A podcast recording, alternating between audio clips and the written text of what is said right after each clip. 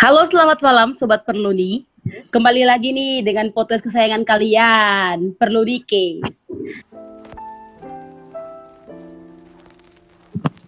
Nah, tamu kita pada malam hari ini nih ada ke kece kita nih yang akan menjadi pembicara membahas tentang tema kita atau topik yang akan kita bahas. Ada Kak Wawan di malam pada malam hari ini. Selamat malam Kak Wawan. Halo, halo, selamat malam semuanya. Halo Kak Malam. Halo Kak Malam. Tentu dan tentunya juga ada Kak Aryo nih yang tidak kalah kece juga. Selamat malam Kak Aryo. Halo, selamat malam semua. Halo Kak. Apa kabar Halo Kak? Kak. Oke baik kita tanya kabar nih. Gimana nih kabarnya Kak Aryo? Sekarang lagi sibuk-sibuk apa di masa pandemi COVID-19? Ya, syukur alhamdulillah sampai saat ini kabarnya sehat walafiat. Walaupun sebenarnya saya tempat saya berpendidikan melanjutkan proses adaptasi saat ini eh, zonanya zona hitam ya di Surabaya. Eh, karena sampai saat ini kami pun yang di Erlangga melakukan adaptasi itu eh, apa namanya masih melakukan perkuliahan secara daring. Jadi masih belum diperbolehkan untuk masuk ke rumah sakit dan sampai saat ini ya kesibukannya kuliah daring. Mungkin seperti itu. Baik terima kasih Kak Aryo. Jadi walaupun daerahnya masih zona hitam dan em, sekarang lagi kuliah online tetap semangat ya Kak. Pastinya dong harus. Oke berikutnya nih Kak Wawan gimana dengan Kak Wawan? Kabarnya gimana? Dan seperti seperti uh, hal yang telah saya sampaikan kepada Kak Aryo, apa sih kesibukannya sekarang di tengah-tengah pandemi COVID-19? Oke, terima kasih. Jadi ya alhamdulillah kalau untuk kabar baik kita. Eh, sebenarnya kesibukan hampir sama ya. Kita semua sekarang menjadi mahasiswa online lah gitu. Ya, kuliah online tiap hari, tiap hari online, tugas online. Semuanya untuk eh, menyelesaikan eh, adaptasi kita yang di Universitas Erlangga. Eh, di samping itu juga ada kesibukan-kesibukan lain karena COVID kan ya, kita juga kebetulan saya lagi di pulang ke rumah ini di Lombok. Jadi saya eh, bersama beberapa teman relawan juga membantu pembagian APD dan lain sebagainya. Kebetulan masih banyak orang yang eh, peduli dan ya kita ikut-ikut eh, relawan lah untuk membantu eh, para penyedia maupun warga kita yang ada di luar. Mungkin itu. Oh, jadi seperti itu ya kawan. Jadi di samping kawan mengikuti em, dari kelas untuk kuliah online, tapi tetap menjalankan beberapa kegiatan-kegiatan positif bagi sesama. Tetapi tentunya tetap mengikuti protokol kesehatan yang telah ditetapkan. Betul, betul. Ya Namanya harus juga- seperti itu. Iya. Oke baik, terima kasih kak. Nah kak, berbicara mengenai eh, adaptasi nih, adaptasi tadi eh, berhubungan dengan penyetaraan lah. Saya rasa ini pun menjadi salah satu keresahannya mahasiswa-mahasiswa kedokteran khususnya yang ada di Tiongkok nih. Jadi banyak sekali nih pertanyaan-pertanyaan yang muncul. Gimana sih nanti pulang ke Indonesia penyetarannya seperti apa? Hal-hal apa yang perlu dipersiapkan? Nah, mumpung malam ini ada Kak Wawan dan juga Kak Aryo, kita mau langsung bahas-bahas, bincang-bincang nih, ngobrol-ngobrol santai mengenai hal itu. Yo, iya betul betul. Tapi sebelum kita masuk sana, kita boleh nggak nih Kak tanya-tanya dulu kayak kenapa sih dulu Kak Aryo dan Kak Wawan milih buat ke Cina nih, buat ke Tiongkok dan kenapa milih di CMU gitu Kak? Boleh nggak Kak kita tanya-tanya dari situ dulu? Gimana nih? Kalau dari Kak Aryo sendiri, em, kenapa Kak dulu milih di luar negeri gitu? Kenapa di Tiongkok? Eh, kalau pertanyaannya kenapa harus milih di luar negeri, sebenarnya saya jujur aja ya ke teman-teman semua bahwa saya tidak pernah berpikiran untuk sekolah ke luar negeri. Cuman hmm, pada saat itu saya eh, kebetulan bapak saya ya orang tua saya eh, memiliki relasi ya relasi ada teman yang kebetulan eh, bersekolah atau menempuh pendidikannya di di China di Tiongkok. Makanya pada saat itu pada saat musim-musim SNMPTN penerima mahasiswa baru datanglah tawaran tersebut. Jadi sebenarnya di luar dugaan sih jadi saya pribadi pun yang istilahnya masih deso gitu orang istilahnya orang awam ya yang nggak pernah berpikiran untuk bersekolah luar negeri. Ketika ditawarkan apakah anda ingin melanjutkan ke sekolah luar negeri? Ya siapa yang nggak mau. Jadi pada saat itu saya mengambil kesempatan dengan catatan saya berpikir bahwa kalau saya di luar negeri saya bisa lepas dari keluarga, bisa lebih mandiri, kemudian kesempatan untuk mengembangkan diri itu lebih gede dan kesempatan untuk menyambung relasi, membangun relasi, membangun karir itu menurut saya uh, terbuka gede di umur saya pada saat itu yang masih kecil ya sekitar umur 18 tahun 19 tahun pada saat itu. Hmm. Jadi uh, begitulah salah satu alasan saya kenapa saya memberanikan diri untuk ber berkuliah atau memilih kuliah di Tiongkok pada saat itu. Oke, Kak. Emang dulu Kak Aryo dari itu mana ya? Dari kota mana ya dulu? Uh, saya awalnya itu berada di kota Wuhan ya, di kota Wuhan dan di kota Wuhan pun itu sebenarnya uh, masih belajar juga mas belum masuk ke main course-nya yaitu MBBS okay, okay. masih belajar untuk language dulu karena bagi saya pemahaman bahasa itu penting karena uh, kita berada di negeri orang. Jadi yang pertama yang saya targetkan itu adalah menguasai bahasanya. Setidaknya bisa uh, mempelajari basic-basic komunikasi yang dipakai di luar ataupun sama guru dan sebagainya. Dan itu akan membuat saya untuk berkembang ke depannya lagi supaya bisa memahami mulai dari karakternya orang, kemudian budayanya orang seperti apa. Nah setelah itu, setelah dari Wuhan, saya barulah pindah ke Beijing pada saat itu.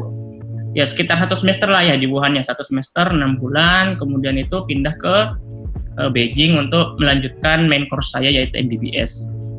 Oke kak, jadi awalnya nggak nggak nyangka ya buat di sana tapi diambil aja kesempatan itu dan um, untuk mengap diri gitu ya kak. Untuk bisa lebih mandiri segala macam gitu. Nah kalau kak Wawan sendiri gimana nih? Kalau dari kak Wawan ada pengalaman gimana dulu? Pas kenapa kok bisa dapet di China gitu kak? Boleh di sharing sharing dikit kak. Oke jadi uh, kalau saya sendiri sih memang sama. Mungkin seperti Aryo ada kenalan juga. Yang kenalan kita juga sama gitu kan ya.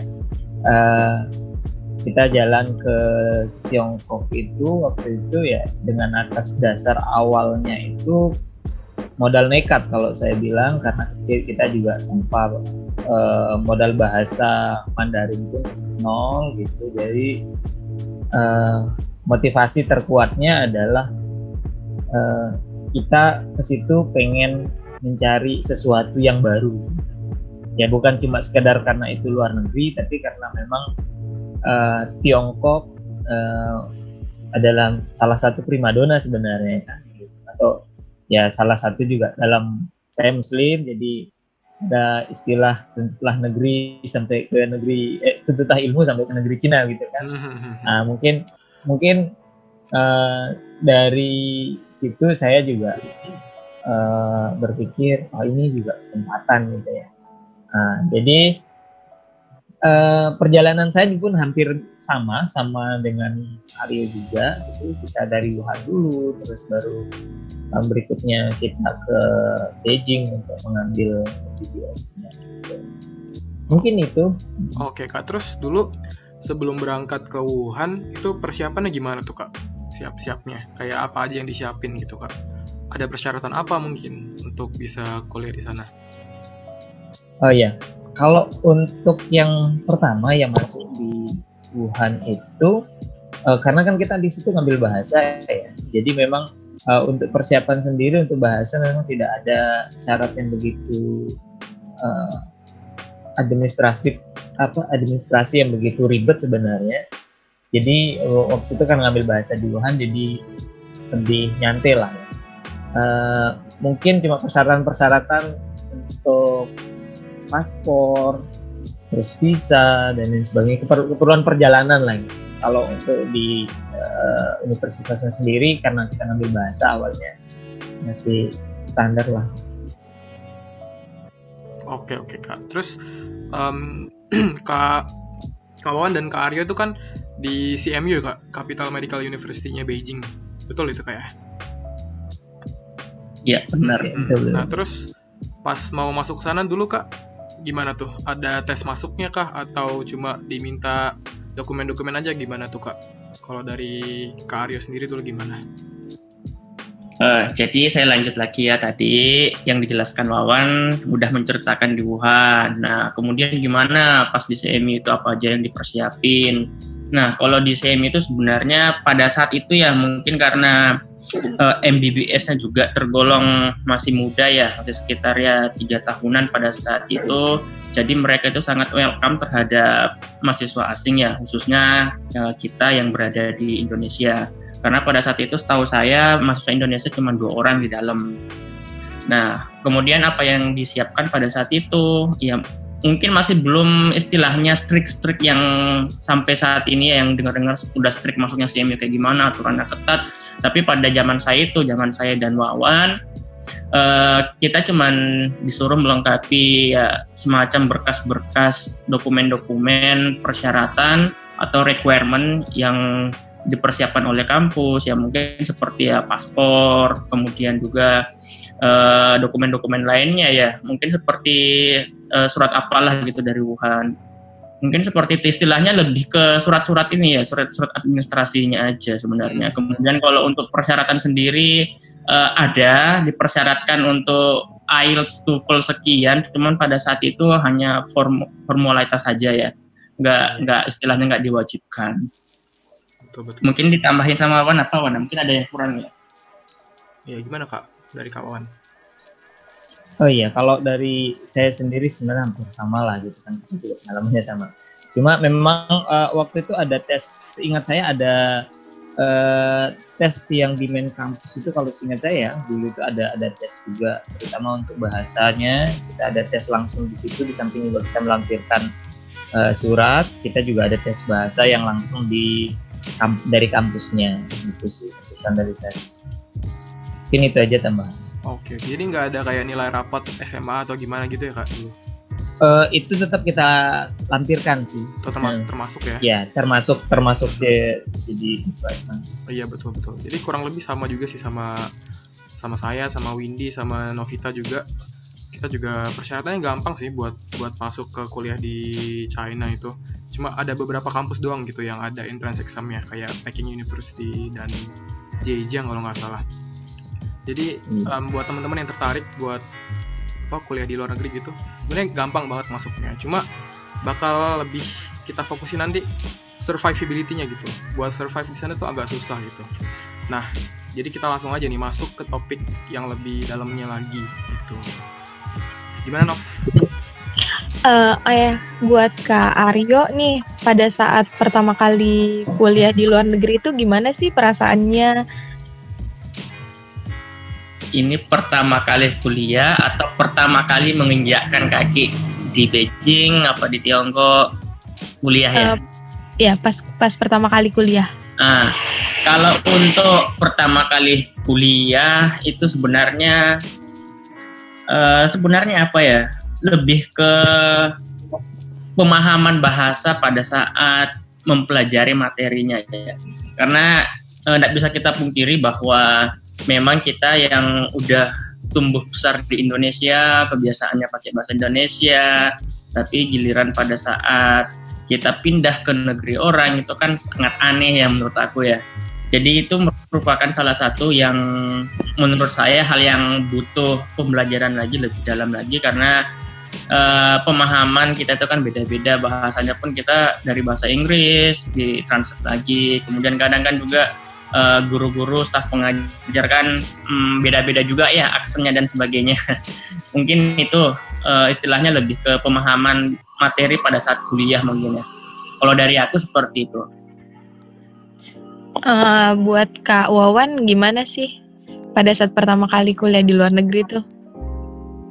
Hey, uh, kalau untuk pertama kali kuliah pasti bingung ya jangankan pas pertama kali kuliah pertama kali datang aja kita bingung gitu ngapain. Bahasa uh, maaf kata orang lokal di situ juga Inggrisnya juga uh, masih kurang kan gitu. Kebetulan saya waktu itu awalnya di Wuhan.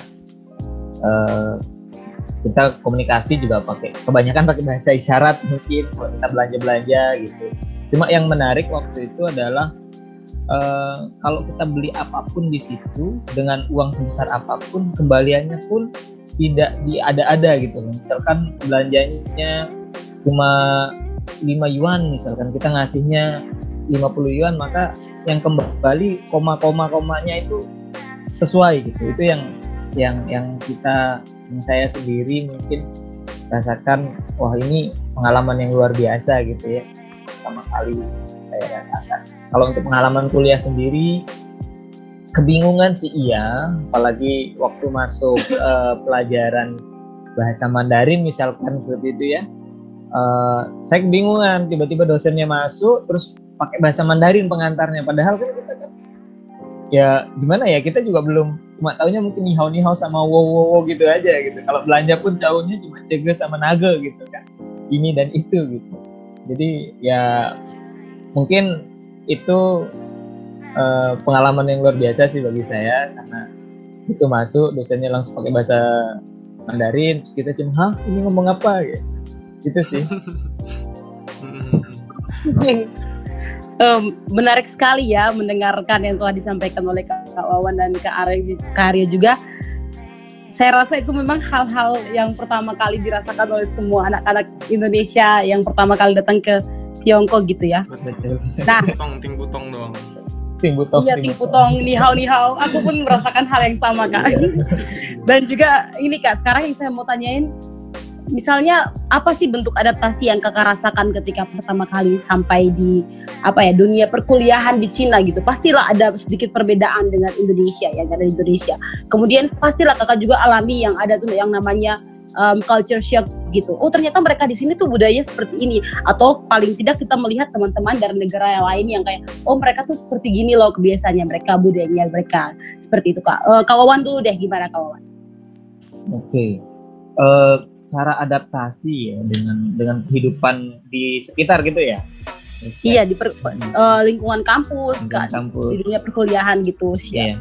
Hmm, karena sebenarnya kalau saya cerita ini sebenarnya dari dari dua sisi ya. Kalau saya ngomong dari uh, waktu saya pertama kali di Wuhan, sangat sangat banyak sekali di kota Wuhan itu saya bilang pelajarnya banyak di situ. Jadi uh, hampir tidak jarang saya temukan orang-orang lokal selain pelajar gitu. Jadi kota itu ibarat bisa dibilang kota pelajar lah gitu. Jadi menarik sekali di situ yang yang saya rasakan. Jadi eh, anak-anak muda, banyak teman-teman Indonesia juga kita temukan di situ. Jadi untuk adaptasi sebenarnya sangat sangat cepat ya waktu itu ya uh, untuk adaptasinya uh, untuk lingkungan ya.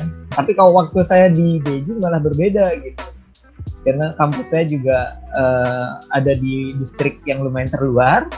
Jadi uh, di situ kebanyakan di lingkungannya saya malah ketemu orang orang-orang tua gitu. Yang wah kok Beijing malah seperti ini? Gitu pandangan kita wah kok malah uh, beda sama di Wuhan. Di Wuhan kita banyak ketemu pelajar-pelajar di sini kok orang-orang tua yang banyak. Gitu. Ternyata uh, eh, itu cuma berlaku beberapa hari saja sih. Kita belum eksplor aja gitu. Jika kita udah eksplor Beijing banyak wah luar biasa memang. Kalau untuk uh, ada ada apa enggak culture shock gitu ya. Sebenarnya banyak sebenarnya persepsi yang saya temukan ya. Banyak sebenarnya persepsi-persepsi yang dari uh, Indonesia misalkan uh, ada orang bilang ah di situ tuh jorok ah di situ tuh kayak gini dan sebagainya. Mbak tapi yang saya rasakan sendiri tidak sejorok atau tidak sejelek apa yang dikatakan orang gitu. Itu sih yang yang yang yang saya bilang wow kok enggak se se ekstrim yang orang-orang bilang gitu kan. Betul betul betul. Kalau betul, betul, ngomongin, kalau ngomongin ekstrim sebenarnya di Indonesia ada yang lebih ekstrim gitu kan. Nah itu itu mungkin yang menarik bagi saya. Nah salah satunya yang yang tadi misalkan kayak yang waktu belanja gitu ya. Itu luar biasa bagi saya gitu loh. Mereka menghormati kita, kita tidak bisa bahasa, kita kasih mereka uang 100 yuan atau berapapun itu, kembalinya pun ya titik komanya sama gitu loh nggak nggak nggak oh, iya. nggak dikurangin. Nah itu itu yang luar biasa bagi saya. Mungkin itu kalau dari saya. Oh seperti itu ya kalau dari kawan jadi uh, menghadapi khusus dua tempat ini menghadapi society yang berbeda di lingkungan sangat uh, berbeda. dan juga lingkungan yang pada umumnya masyarakat awam gitu. Iya kak. Menarik sekali ya. Jadi yeah. bentuk adaptasinya berbeda pula. Nah yeah. menarik sekali terbiasa kak. Kalau dengan Kak Aryo sendiri gimana Kak? Oke, baik. Uh, kalau dari saya pribadi ya, uh, karena memang dari awal kan tujuan saya memang ke luar negeri itu dari awal saya punya visi ya, visi misi. Dalam artian di mana kita berada, di situlah keluarga kita. Di mana kita mempunyai banyak teman, situlah keluarga baru kita berkumpul. Jadi bagi saya uh, ketika saya berada di dunia perkuliahan, dunia kampus, hal yang pertama saya lakukan adalah bagaimana saya mengelilingi orang-orang di sekeliling saya, di sekitar saya. Jadi ya ya mulai berkenalan, memberanikan diri untuk berkomunikasi walaupun sebenarnya uh, yang boleh dikatakan pada saat itu bahasa Inggris saya masih ya gitu-gitu aja, hello how are you? Dan sebagainya masih gitu-gitu aja ya. Ditanya what's your name? Saya jawabnya ya I'm fine gitu-gitu. Kadang nggak nyambung. Tapi ya dengan dengan prinsip saya bahwa hmm, di mana kita berada kita harus bisa uh, survive ya sama orang-orang sekitar kita jadi cara adaptasi saya pertama itu tadi uh, mengenal lingkungan sekitar kita dulu kemudian yang kedua ya, itu sebenarnya lebih ke makanan ya makanan. Karena dari awal sebelum saya berangkat ke China itu kan orang-orang di rumah orang tua saya selalu berpikir kayak gini ntar kamu di sana makan apa karena kan di ya mohon maaf ya di Tiongkok kan memang lingkungannya kan iya, minoritas iya. ya. Nah, sangat minoritas banget. Ntar kamu di sana makan apa. Bahkan kemarin itu air putih pun itu dikatakan sama keluarga saya itu itu ada ininya kandungan ininya enggak wah ya gitu kan. Ya, Nah, misperceptionnya itu ya. Perceptionnya, iya. perceptionnya.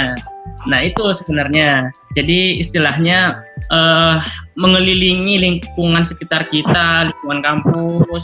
Misalkan pengen tahu di mana tempat yang ada label cincangnya gitu ya yang halal. Nah mungkin itu hal yang pertama kali yang aku lakukan pada saat uh, menginjakkan kaki di Tiongkok. Karena kenapa? Yang pertama kita nggak bisa tanpa orang-orang sekitar kita sama teman-teman kita karena kita jauh dari keluarga. Kemudian yang kedua, kita nggak bisa makan sembarangan karena memang kita hidup di lingkungan yang minoritas. Jadi uh, harus memperhatikan juga makanannya kayak gimana di sana.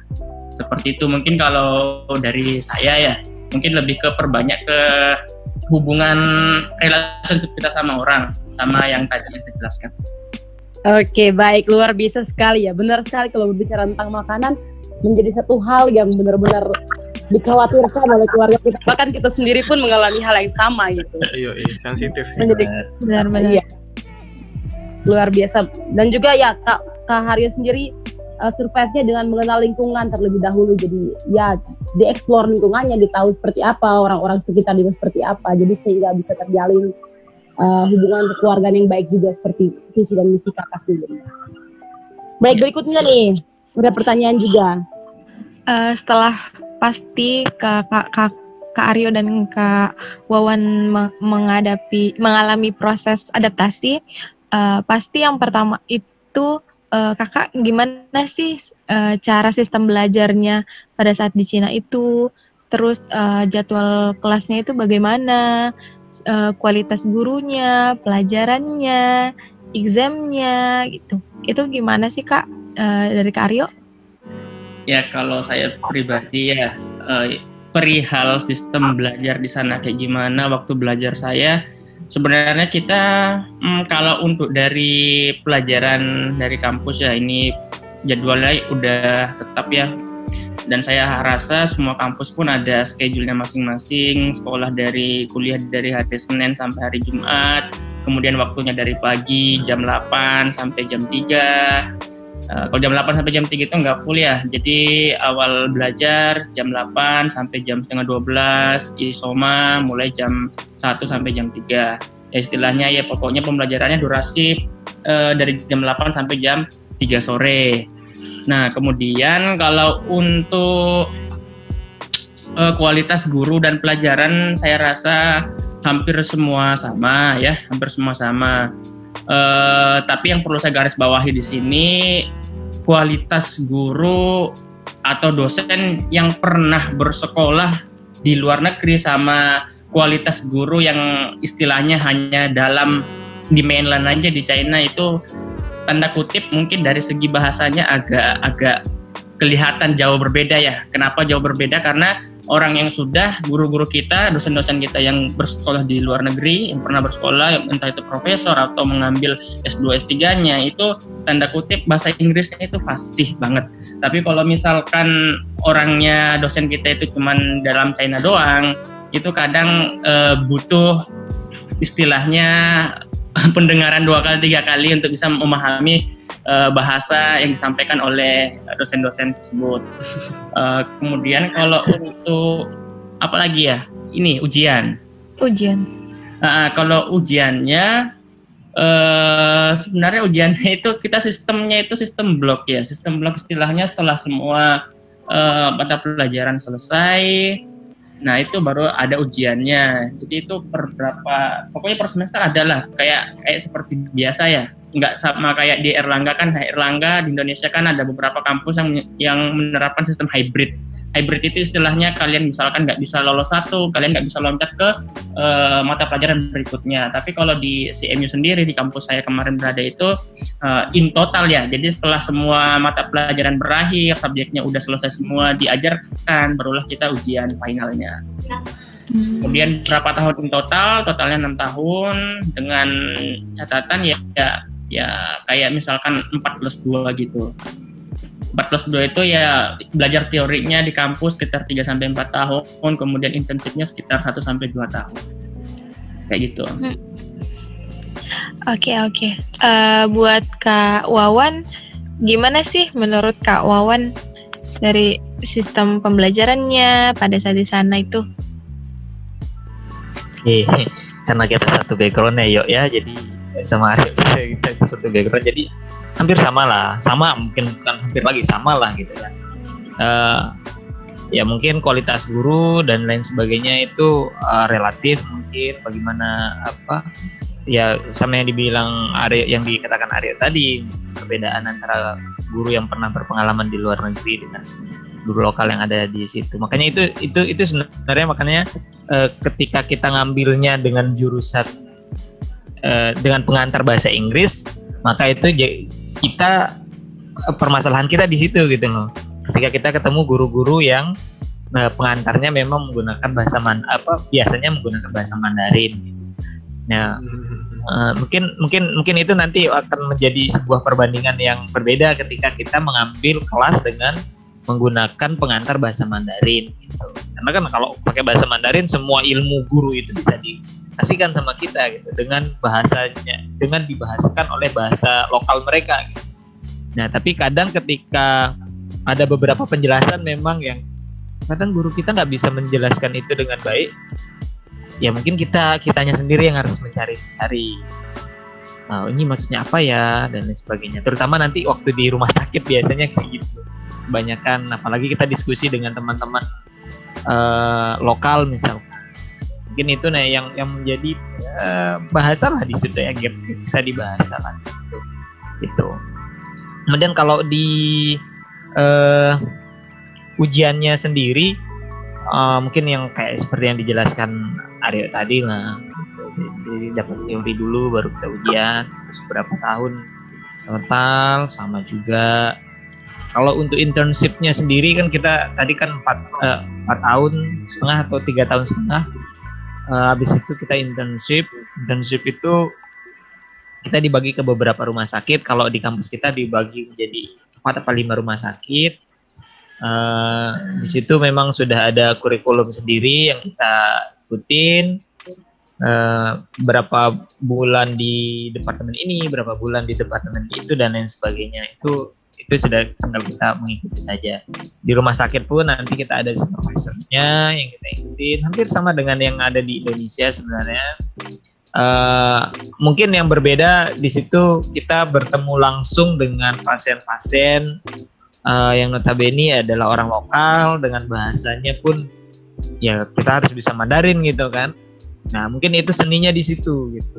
Kita memang pengantarnya kita bahasa uh, kalau uh, saya di CMU pengantarnya memang menggunakan bahasa Inggris tapi uh, untuk ke di rumah sakit dan lain sebagainya memang kita ada penting lah bahasa Mandarin gitu kan komunikasi sama dosen komunikasi sama pasien juga gitu mungkin uh, di situlah seni sen, sen seninya belajar di luar negeri itu nantinya di situ gitu.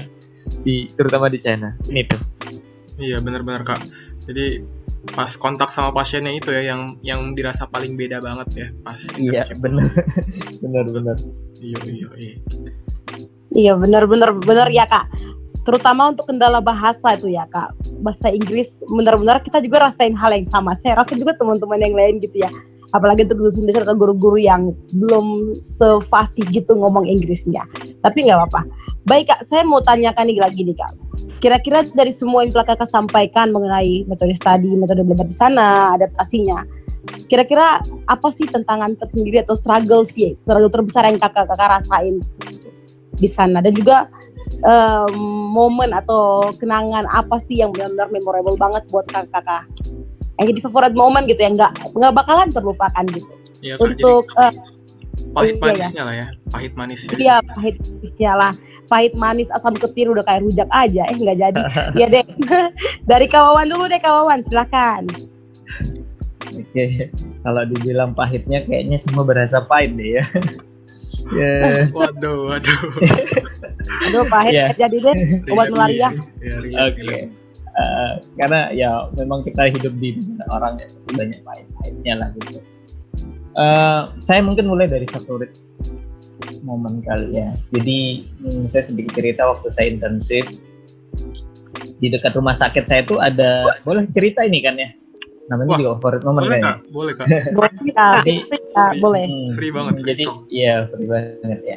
Jadi waktu itu saya lagi di departemen putaran departemen neurologi. Waktu itu eh ini ada ada funny moment, ada yang eh apa sih? Tapi itu itu dua dua, dua hal ini yang menjadi favorit saya. Oke oke. yang yang pertama itu yang pertama itu waktu itu lagi ngam eh, supervisor saya lagi ngajak jalan untuk ngambil eh, cairan lum, lumbal lumbal fungsi.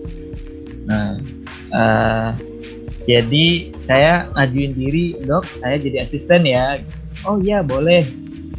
Oke, saya sudah siap-siap nih menjadi asisten. Jadi sebelum itu memang saya bangun pagi banget, terus ngerjain banyak eh nyetrika dan lain sebagainya. Yang penting intinya pagi itu saya lumayan capek baru berangkat ke rumah sakit. Nah, pas sudah nyampe di rumah sakit, saya ngajukan diri untuk jadi asistennya dokter saya. Terus, eh, pas dokternya sudah sel- eh, hampir selesai ngambil cairan spinal fluidnya itu, udah mau ngambil, udah selesai, eh tiba-tiba saya jatuh. Pingsan. Ya Allah, tak bilang. Ini luar biasa. Malunya minta ampun gitu ya. Karena kan istilahnya kayak kita udah ya dok saya mau eh, jadi asisten. Tiba-tiba waktu ya dokternya mungkin ngira bahwa saya kaget melihat orang ambil lumbar fungsi dan lain sebagainya terus saya pingsan gitu dan itu diangkat sama beberapa perawat itu malunya minta ampun ya Allah dibawa ke ruangan dokter kalau dika- dikasih apa waktu itu saya dikasih permen kayaknya balsam kak? Iya bukan balsam ya kalau di Indonesia kayaknya saya sudah dikasih balsam Iya iya. dan ya iya ya ada malunya juga gitu loh di situ. Ya mungkin mungkin salah satu bisa dibilang itu termasuk struggle kali ya. Mungkin Iya termasuk sih. ah termasuk sih. Double Nah, ya. ya iya tapi eh, di akhir waktu saya mau selesai di stasiun neuro itu saya diajak sama sa- sama juga sama dokter pembimbing saya itu ayo kita makan uh, kuku gitu ya. Dan itu adalah uh, kuku itu apa ya bahasa ininya? Hotpot ya? Nah, hotpot ya ya hotpot hotpot nomor satu di di sekitaran situ lah di hotpot muslim nomor satu di Beijing nah itulah bahasa wow dan dibayarin biasa. gratis. Nah itu itu favorit banget bagi saya. Karena, karena Masih keinget-inget ya rasa rasa Mas, hotpotnya. masih favorit momen karena masih- gratis ya kak atau karena gratis. Salah satunya karena gratis, terus yang kedua karena memang eh, kita kan harus ke sana kan harus antri dan sebagainya kan. Tapi kan kita kan punya bypass, ya itulah kan eh, banyak profesor-profesor yang juga eh, makan di situ dan kita diajak makan bareng itu luar biasa apresiasi banget buat saya eh, anak anak internasional gitu ya diajak makan sama dokter-dokter favorit saya di neurologi itu luar biasa sih mungkin itu ya favorit momen dan ya struggle juga mungkin ya yang waktu pingsan itu Lebih Iya. manis sih kak kayaknya. Ah, Iya. Iya. Enak banget kalau kalau punya relasi sama guru gitu udah deket gitu. Akrab-akrab sama guru tuh enak banget sih. Di sana tuh emang kayak gampang sih kayak buat akrab sama guru gitu. Iya eh, eh, benar-benar kalau untuk akrab dengan guru itu ya mereka welcome banget sih ya. Apalagi ya mungkin itu kalau kita udah ada modal dikit bahasa udah sudah nyaman sama kita aduh enak banget lah pokoknya. Lebih mudah lagi, benar. Udah kita lagi, bener, bilang bener. ni hao oh ni hao terus Ah, dia, dia langsung jawab wah ni cowok cuma hao ah Ah, nih, iya nih iya coba iya coba kau nama Hawa. cuma bilang ni hao padahal iya Aha.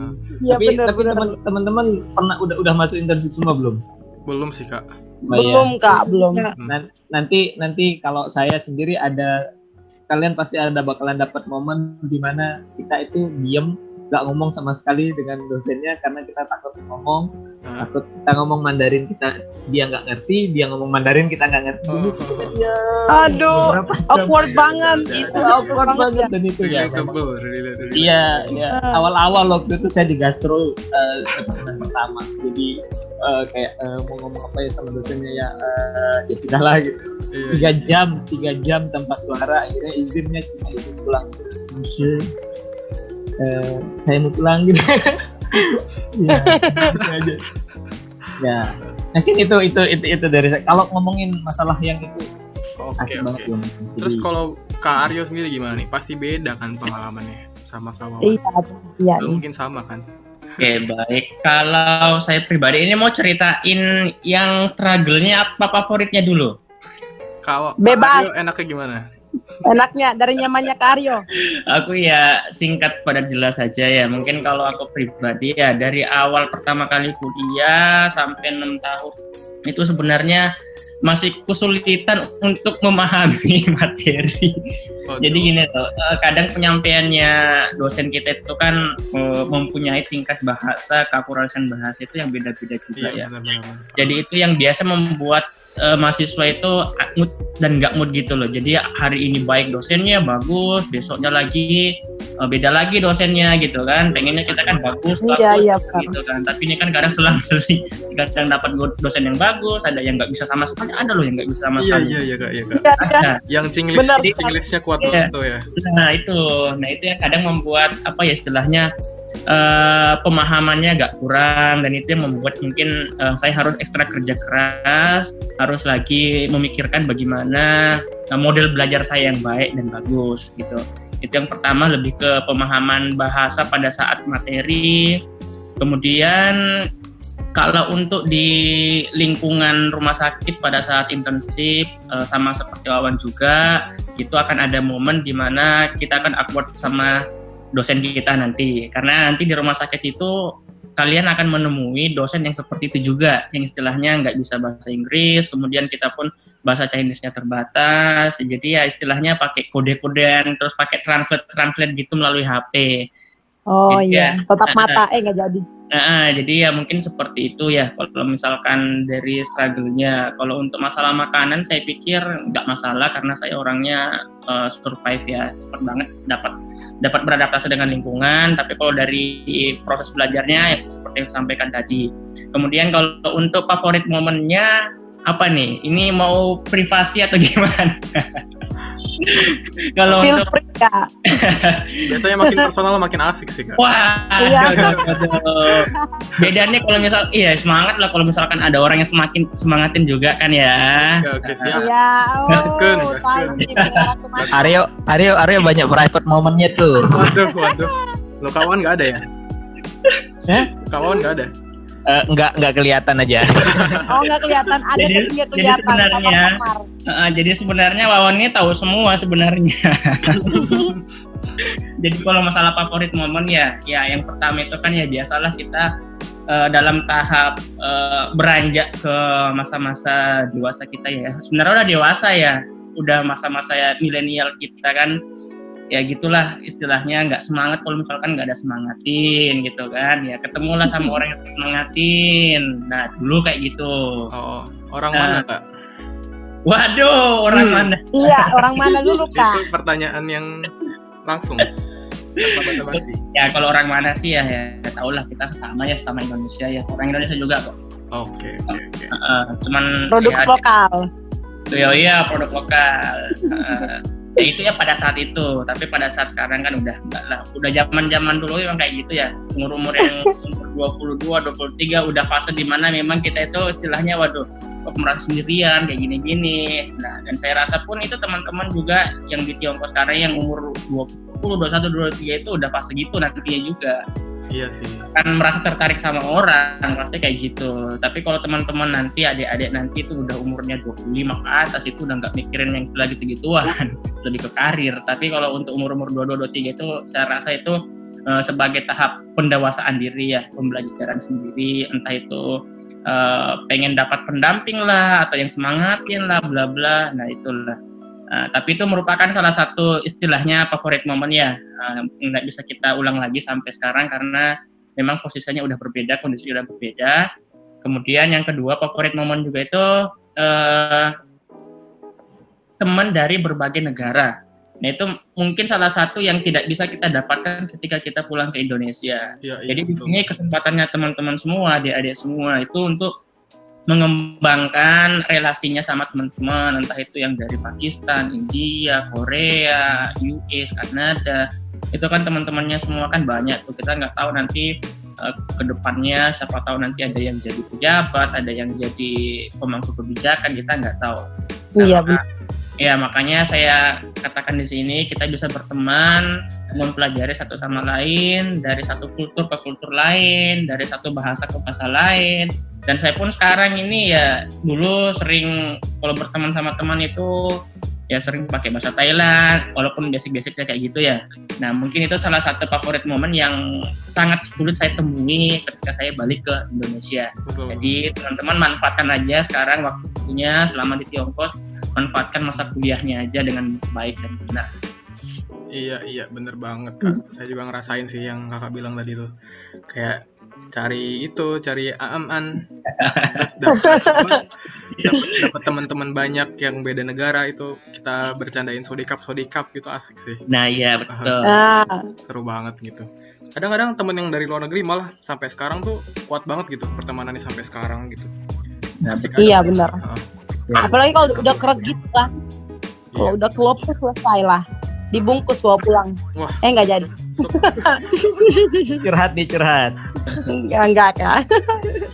Oke oke. Terus tadi kan udah ngomongin udah nyentuh dikit tuh kak tentang koas di sana dan atau internship di sana gitu kak. Kayak bahasanya yang beda dan apa? Ada momen-momen lucu di sana. Tapi kan kita belum bahas juga kayak sistemnya gimana pas koas dulu. Apakah ngikutin dosen aja atau gimana gitu kak? Atau ada banyak kontak sama pasiennya atau gimana tuh kak? Jadi pas em, koas di sana, koas di CMU itu gimana? Apakah enak banget?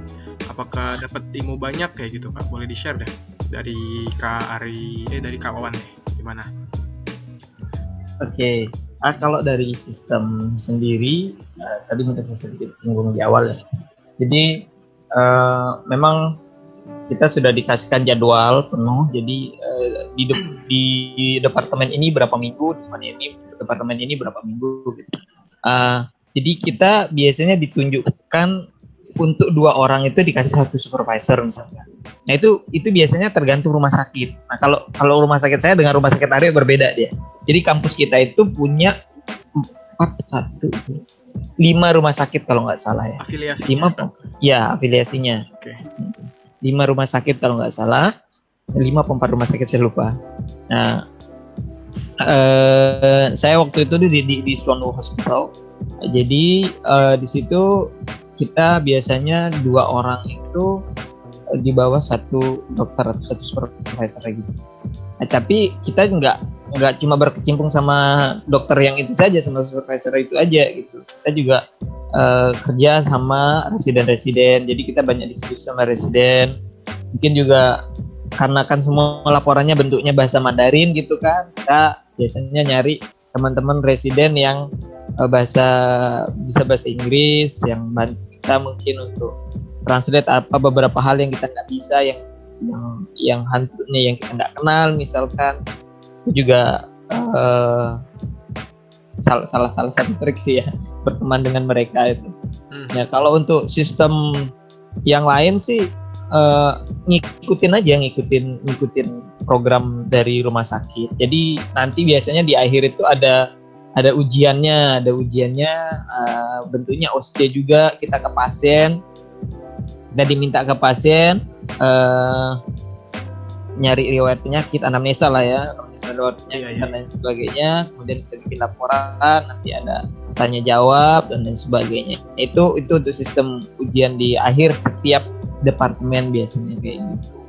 Ada ada waktu itu saya kayaknya nggak setiap departemen tapi dipilihkan juga eh, misalkan ujian akhirnya itu dapatnya departemen apa. gitu. Jadi Oh, sama ini juga sih eh, ada istilahnya itu eh, bikin medical history. Ya. Jadi kita ya eh, eh, eh, medical record, medical record, Eh, medical record ya bahasanya medical record. Jadi eh, kita nyari satu pasien, kita eh, cari his- historinya, kita anamnesa, kita sampai ke, ke tata laksana. Sebenarnya ini sama juga dengan Indonesia juga oh, Kita Heeh, cuma bedanya di situ kan eh kita ya itu tadi kita harus banyak eh, ngobrol sama teman-teman yang lokal di situ. Mungkin ada beberapa data dari eh, pasien yang harus yang kita tidak tahu apa artinya. Jadi kita minta mereka untuk membantu biasanya kayak gitu. Oke, jadi overall sih muter-muter lah ya, muter-muter hospital, ngikutin supervisornya, terus em, lihat-lihat lihat-lihat apa aja yang dilakuin di hospital gitu ya kayak obs- Ah, ah, observasi ah, lah ya, observasi. Ya observasi sama beberapa kita di ada clinical skill juga. Kita dapat clinical skill juga. Ada ada lombanya juga untuk Ah, lomba. skill guys.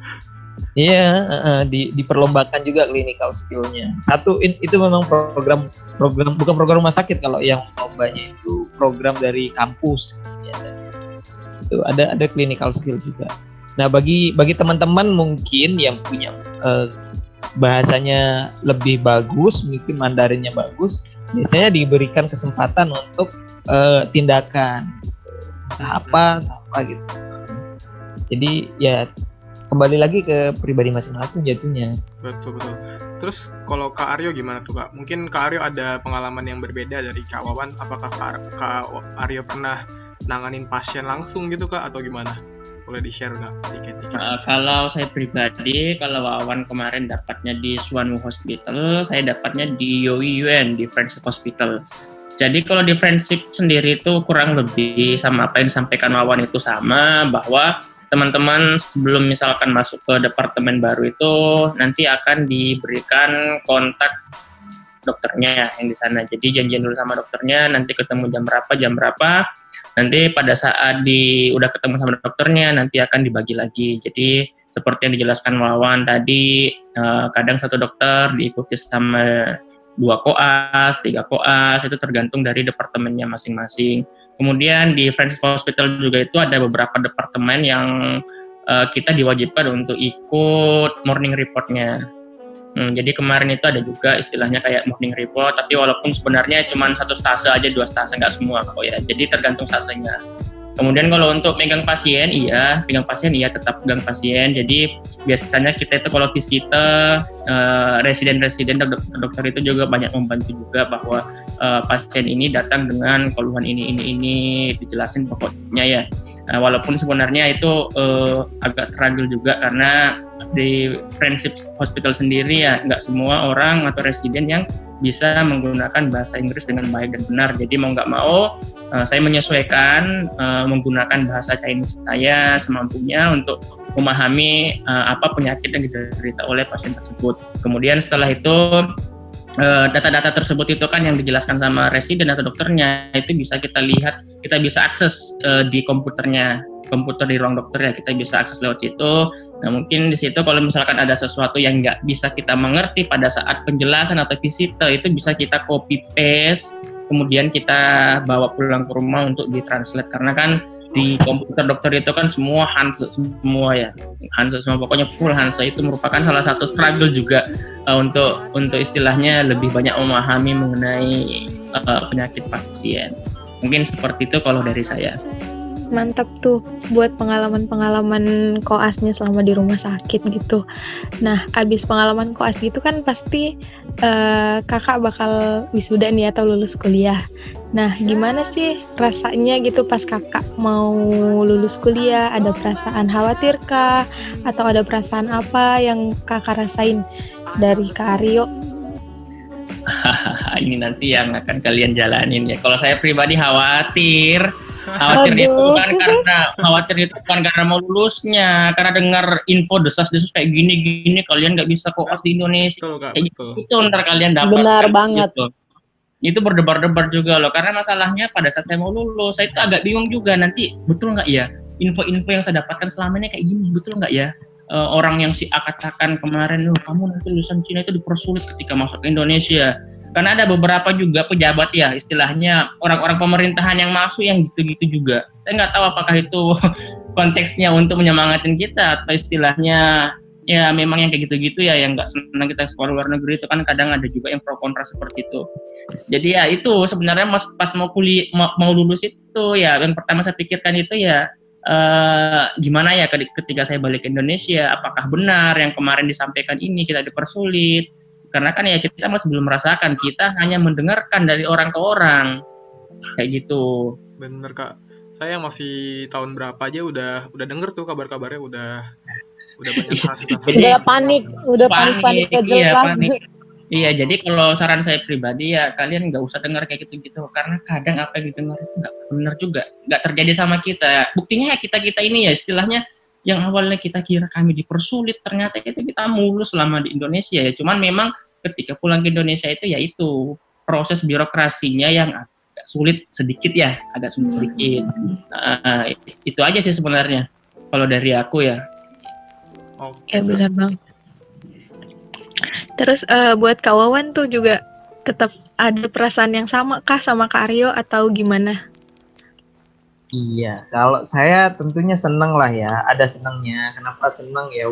Ya gimana sih? Kita enam tahun sekolah, saya total tujuh tahun di China, dan akhirnya akan meninggalkan China gitu kan, dan pulang akhirnya lulus gitu setelah sekian lama.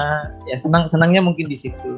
Tapi memang yang seperti yang dikatakan ada tadi, ada beban memang karena untuk lulusan luar negeri lumayan gitu ya beban ke depannya harus ngapain aja dan lain sebagainya mungkin yang kita pikirkan uh, sama apa ya kalau yang sangat-sangat saya takutkan waktu itu tuh uh, saya akan bisa nggak ngelanjutin nanti di Indonesia diterima nggak ya nanti waktu di Indonesia mungkin pertanyaan-pertanyaan semacam itu tuh hampir tiap malam kali kita pikirin gitu.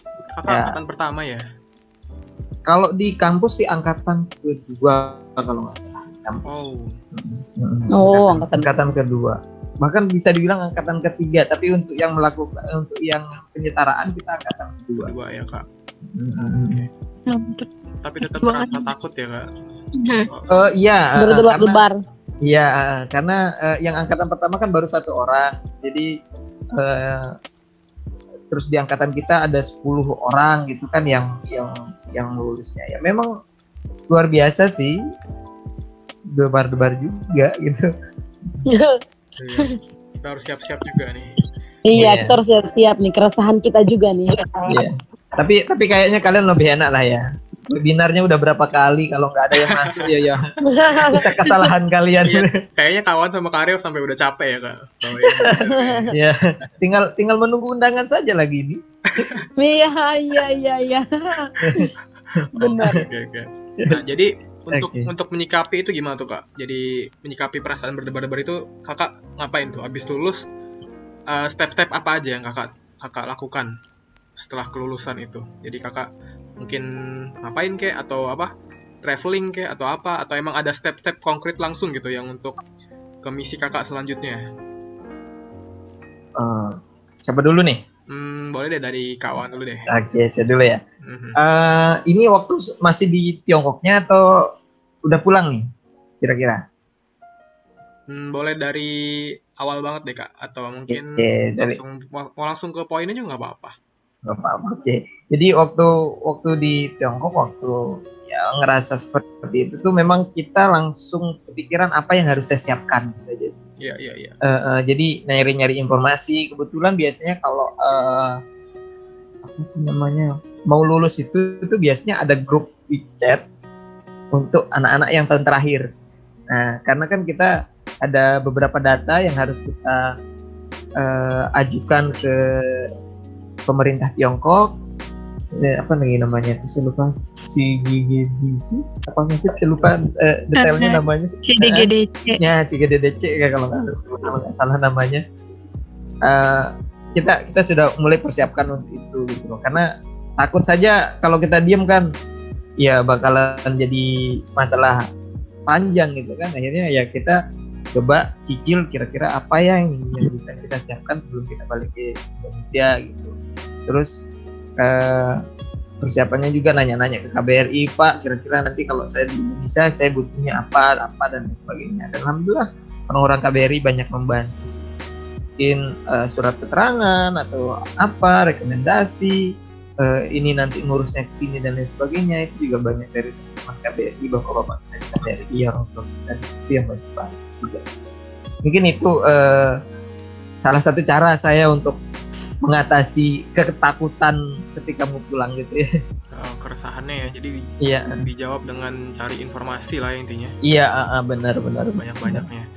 Kalau Kak Aryo gimana nih? Pas dulu. Ya, kalau saya sih kurang lebih sama kayak bapaknya, cuman saran saya pribadi ya, ini pengalaman pribadi juga. Eh, boleh kita mendengarkan sesuatu itu dari orang, boleh kita mendengarkan itu pengalamannya orang seperti apa, tapi pengalaman orang itu belum tentu terjadi sama kita ya. Karena konsepnya rezekinya orang itu beda-beda ya. Pokoknya prinsipnya di situ aja, teman-teman itu semua menjalanin aja, nggak usah terlalu banyak eh, istilahnya mendengarkan yang negatif-negatif gitu loh pokoknya negatif boleh kita ambil ya kita ambil tapi jangan dimasukkan ke dalam hati jangan terlalu banyak dipikir. Tapi, dalam artian kita harus menyiapkan solusinya nanti seperti apa. Kira kira-kira gitu-gitu aja ya istilahnya eh, ikutilah arusnya itu seperti apa dan kemudian mendengarkan berita yang negatif ya boleh-boleh aja tapi istilahnya nggak usah terlalu banyak dipikirkan lah ya. Eh, kemudian tadi yang dijelaskan lawan ya udah udah menjawab sih sebenarnya juga. Jadi saya simpulkan aja bahwa nanti teman-teman itu lebih banyak cari informasi. Informasinya itu ya boleh ke senior-senior kalian boleh informasi ke eh, bapak-bapak KBRI karena nanti pada kesimpulannya teman-teman itu akan berhubungan langsung sama atas pendidikan nanti karena yang akan mengeluarkan surat keterangan sekolah itu adalah dari atas pendidikan kayak gitu jadi ya kayak gitu aja kalau dari saya Mm-mm, betul. Jadi buat teman-teman kalau mau untuk mengatasi keraguan-keraguan dan keresahan-keresahan pas mau lulus itu intinya kalian harus punya plan. Kalian mau ke mana setelah lulus? Gitu ya. Jadi Iya, menarik banyak sekali. informasi gitu. Benar benar benar menarik sekali nih. Nah, apalagi kan em, kedua kakak ini sekarang sedang menja- menja- menjalani eh, program adaptasi ataupun penyetaraan di Indonesia. Nah, yang kami mau tanya ini gimana nih kak? Tapi untuk Kak Wawan, Kak Wawan ini kayaknya udah sering banget nih kita undang jadi keynote speaker mengenai apa penyetaraan gitu ya kak. Jangan bosan-bosan ya kak. oh Informasinya sangat membantu untuk kita. Iya kak, Siap, gini kak, siap. em, pertanyaannya tuh bagaimana sih proses penyetaraan di Indo? Khususnya gini kak, sebelum kita balik ke Indo di Tiongkok tuh pertama-tama apa sih yang perlu kita siapkan sebagai mahasiswa tahun akhir? Misalnya mungkin menyangkut dokumen ataupun surat-surat, surat-surat dan lain sebagainya. Untuk Kak Wawan coba dulu Kak Wawan deh. Oke, Eh, ya kalau untuk eh, tahun pertama tergantung dulu kalau memang eh, ini adalah lulusan pertama mungkin ada ekstra yang perlu kalian siapkan gitu kan ada dokumen-dokumen penting yang lain misalkan kayak kurikulum biasanya diminta lagi, terus eh, silabus biasanya diminta lagi, terus harus terdaftar di eh, MOI-nya China lah dan lain sebagainya. Dan itu emang harus koordinasi sama KBRI itu kalau memang belum kampus kalian belum pernah ada yang penyetaraan gitu kan ya. Tapi untuk kampus-kampus yang pernah misalkan eh, pernah penyetaraan dan pernah mengajukan ijazahnya ke Dikti yang dipersiapkan itu eh, mungkin di akhir kalian kalian akan eh, butuh atur waktu saja misalkan eh, biasanya orang eh, mahasiswa di Tiongkok itu kalau wisudanya bulan Juli, maka pertengahan Juli visanya udah habis, ya kan? Nah, jangan sampai Iya. Eh, yang saya yang saya wanti-wanti sama teman-teman ini, jangan sampai telat ngurus sehingga nanti udah di Indonesia baru udah di apa karena telat ngurus eh, izin stay-nya udah habis akhirnya harus balik ke Indonesia baru di Indonesia baru diurus semuanya gitu. Jangan sampai kayak gitu. Nah jadi eh, dari jauh hari tanyakan rajin-rajin tanyakan ke dosennya atau ke universitasnya kira-kira eh, tanggal berapa ini wis apa wisuda tanggal berapa ijazahnya keluar. Gitu ijazahnya keluar teman-teman langsung apply. Yang harus di-apply di situ kan di selama di Tiongkok ini harus di-apply itu yang itu tadi eh, CDG DC-nya itu itu yang harus di-apply di di Tiongkok. Sebenarnya bisa juga di-apply di, di Indonesia sih tapi biasanya agak lelet ya karena pakai servernya ya, Tiongkok jadi itu mungkin yang yang yang yang perlu dipersiapkan terus dokumen-dokumen lain karena ada beberapa sekarang dokumennya kayaknya semua eh, bisa lewat online semua dah ya.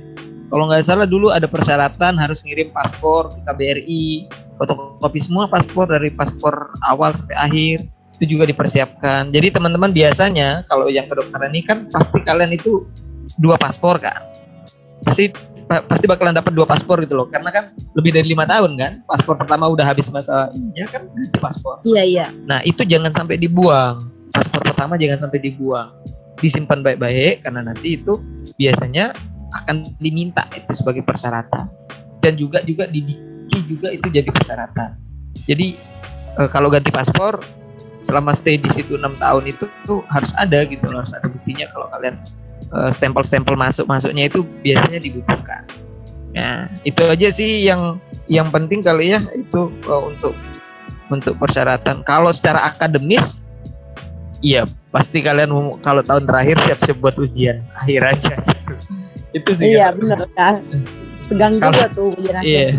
Nah, kalau mau penjelasan lebih lanjut, ya mungkin masih ada ya di YouTube. Perlu nih ya. Oh iya dari yang Iya. Webinar kali itu benar kan Iya, saya ingat Kak uh, Wawan. karena ya karena untuk penyetaraan ini memang kompleks eh, dan tiap tahun mungkin bisa berbeda regulasinya. Jadi kita memang perlu update-update yang terbaru. Ya mungkin itu. Dari Oh, Aryo iya, mungkin ada tambahan. Mungkin dari Kak Aryo. Ini pertanyaannya apa tadi ya? Satu tahun terakhir persiapan ya? Iya persiapan untuk mahasiswa tahun akhir menyangkut penyetaraan nih Kak. Menyangkut penyetaraan. Sebenarnya udah dijawab sama Wawan sih, tapi pada dasarnya memang eh, salah satu syarat itu kan memang ijazah kita ya. Ijazah kita itu kan harus ada istilahnya nama CDGDC ya, udah jelaskan sama Wawan tadi, udah jelas kok. Jadi CDGDC, kemudian surat keterangan sekolah dari KBRI, kemudian ya pokoknya udah dijelasin sama Wawan, udah jelas ya. Cuman yang perlu saya tekankan di sini satu tahun terakhir itu setidaknya eh, saya lebih prefer untuk memberikan eh, tantangan dan saran kepada teman-teman bahwa dalam satu tahun terakhir cobalah teman-teman itu belajar dengan baik aja deh. Belajar dengan baik itu dalam artian teman-teman akan melakukan adaptasi di Indonesia nanti persiapan masuk ke Indonesia itu setidaknya jangan harus bisa membawa nama baik lulusan kita. Itu yang saya istilahnya lebih banyak eh, menekankan ke teman-teman semua karena pengalaman saya pribadi udah menjalani juga di Erlangga seperti apa eh, kualitas kita gitu. Sudah saling tahu kayak gimana dibandingkan sama lulusan lokal kayak gimana. Uh, jadi uh, saya pribadi satu tahun terakhir persiapan apa yang dipersiapkan. Tadi kalau untuk masalah dokumen administrasi perlu jelas sama Wawan. Cuman saya menekankan teman-teman belajar dengan baik. Belajar referensi-referensi buku-buku di Indonesia. Itu saran saya. Karena nanti dalam waktu dekat teman-teman pulang ke Indonesia itu akan ujian juga nanti di kolegium Nah, mak- maka dari itu ya lulusan Tiongkok ya walaupun kita tahulah eh, keseharian kita gimana, kewas kita kayak gimana di sana nanti adik-adik akan merasain juga, tapi pada dasarnya kita tetap harus menjaga nama baik kita. Itu aja sebenarnya. Kalau dari aku ya. Baik Kak, jadi em, terima kasih Kak seperti yang udah Kakak sampaikan Kak Wawan dan Kak Haryo juga selain dokumen-dokumen dan juga surat-surat yang bersangkutan dengan administrasi yang penting juga bagaimana kita mempersiapkan eh, ilmu kita akademik kita ketika kita pulang apakah kita bisa nanti mengikuti ujian atau tidak itu lebih itu mungkin memang satu hal yang memang kita harus prefer juga dalam hal itu tentunya. Nah, ada satu lagi nih Kak yang saya mau tanyain. Ini mau menjadi keresahan banget nih. Banyak akhir-akhir ini banyak banget nih yang mempertanyakan hal ini. Kayak gini, Kak, apakah benar kampus saya tidak terdaftar di MOI kayak gitu. Jadi sebenarnya ini apa sih kaitan antara terdaftarnya di MOI dengan proses penyetaraan di Indonesia? Dari Kak Aryo dulu deh. Gimana Kak? Ah, Oke, okay. kalau saya pribadi ya, ini perspektif saya pribadi karena sebenarnya masalah-masalah MOE ini yang pertama kali angkat di Tiongkok itu yang melaporkan pertama kali ke Bapak um, Menteri Pendidikan pada saat itu Pak M Nasir itu sebenarnya saya waktu kunjungan ke Tiongkok ke KBRI pada saat itu waktu saya menjabat sebagai ketua PP Tiongkok juga saya menyampaikan bahwa memang banyak hal-hal tersebut yang terjadi ya. Nah itu yang pertama Uh, jadi pada saat itu udah booming ya. Sebenarnya kaitannya itu adalah uh, eh, MO itu kan istilahnya kayak semacam lembaga pemverifikasi dan seperti kita ketahui uh, di Tiongkok itu kan masih banyak kampus-kampus yang tanda kutip uh, yang membuka jurusan ini ini ini ya ini penjelasan dari KBRI yang disampaikan ke saya ya sepemahaman saya pada saat itu bahwa masih banyak kampus yang membuka jurusan tapi SDM-nya masih kurang. Nah, SDM-nya kurang itu seperti apa? Misalkan dari fasilitasnya, uh, mereka pengen uh, membentuk jurusan MBBS, tapi sebenarnya dari segi uh, SDM-nya, guru-gurunya, dosen-dosennya belum cukup, belum memenuhi kriteria. Misalkan sekian-sekian yang bisa uh, memiliki bahasa Inggris dengan yang baik, kemudian fasilitasnya juga diperlihatkan seperti ini, apakah bisa menunjang uh, kedokterannya. Nah, seperti itu. Jadi sebenarnya ini lebih ke kesiapan dari kampus itu apakah bisa membuka kampus uh, yang berjurusan MBBS atau tidak. Jadi kalau masalahnya MOE, MOE itu sebenarnya dinamis ya, dinamis. Bisa saja tahun ini tidak terdaftar, tapi tahun depan lulus verifikasi, jadi bisa masuk MOE. Nah, kalau misalkan kaitannya apa? Kaitannya itu adalah uh, nanti pada saat teman-teman ke Kemenristek Dikti itu akan diminta sama Kemenristek Dikti uh, eh, MOE-nya seperti apa, istilahnya apakah kampus ini benar-benar ada atau enggak, itu akan diminta. Makanya kenapa Kemenristek Dikti minta silabusnya. Silabus itu kan istilahnya akademiknya, sistem pembelajarannya seperti apa, targetnya seperti apa, indikatornya seperti apa, ketercapaiannya seperti apa, ada berapa SKS itu semua dijelaskan dalam silabus. Jadi kampus yang istilahnya udah siap dengan pengajaran MBBS itu pasti akan memiliki silabus yang sistematis pasti ada ya. Nah, dan itu nanti akan diminta sama Kemenristek Dikti. Setahu saya sih kayak gitu, nggak tahu sih kalau aturan sekarang ya. Ini aturan saya acuannya pada saat saya dan apa yang saya alamin dan pengalaman saya seperti apa mungkin kayak gitu sih kaitan-kaitannya ya kalau masalah MOE kayak gitu. Jadi istilahnya dinamis kalau MOE itu karena uh, memorandum of understanding setahu saya MOE kayak gitu. Istilahnya kayak uh, bisa tahun ini kampusnya itu nggak terdaftar tapi setelah diperbaikin tahun depan bisa bagus ya kayak gitu sebenarnya. Oke baik baik kak. Jadi tergantung dilihat dari standar SDM-nya apakah sudah memenuhi atau tidak di MOE. Baik kak. Kalau kawan sendiri mungkin ada yang mau ditambahkan kak? Uh, tentang MOE ya, uh, sebenarnya sudah dijelaskan sama Aryo sih. Jadi intinya ya itu tadi yang disampaikan itu kayak lembaga per, tukang verifikasi lah gitu ya, lembaga verifikasinya Tiongkok ini uh, kampus layak, tidak layak, terstandar apa tidak terstandar itu aja sih. Oke, okay, baik Kak, baik baik. Jadi terus um, sekarang kan kakak-kakak nih lagi milih penyetaran di UNER tuh Kak ya. Nah, itu kira-kira teknisnya gimana Kak kalau kita mau milih kampusnya untuk penyetaran tuh gimana Kak? Apakah ada biayanya ataukah ada hal-hal yang harus disiapkan gitu Kak untuk milih uh, kampus mana yang mau kita jadiin tempat penyetaran gitu Kak? Boleh dari kawan deh.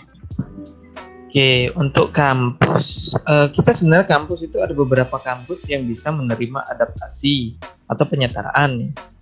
Uh, sebenarnya step yang untuk memilih kampus ini ada di bagian kalau ingat bagian yang saya buat waktu uh, webinar adaptasi, eh, ya webinar penyetaraan itu ada ada saya buat bagiannya itu hampir di akhir eh, tujuan gitu ya, hampir di ujung lah gitu.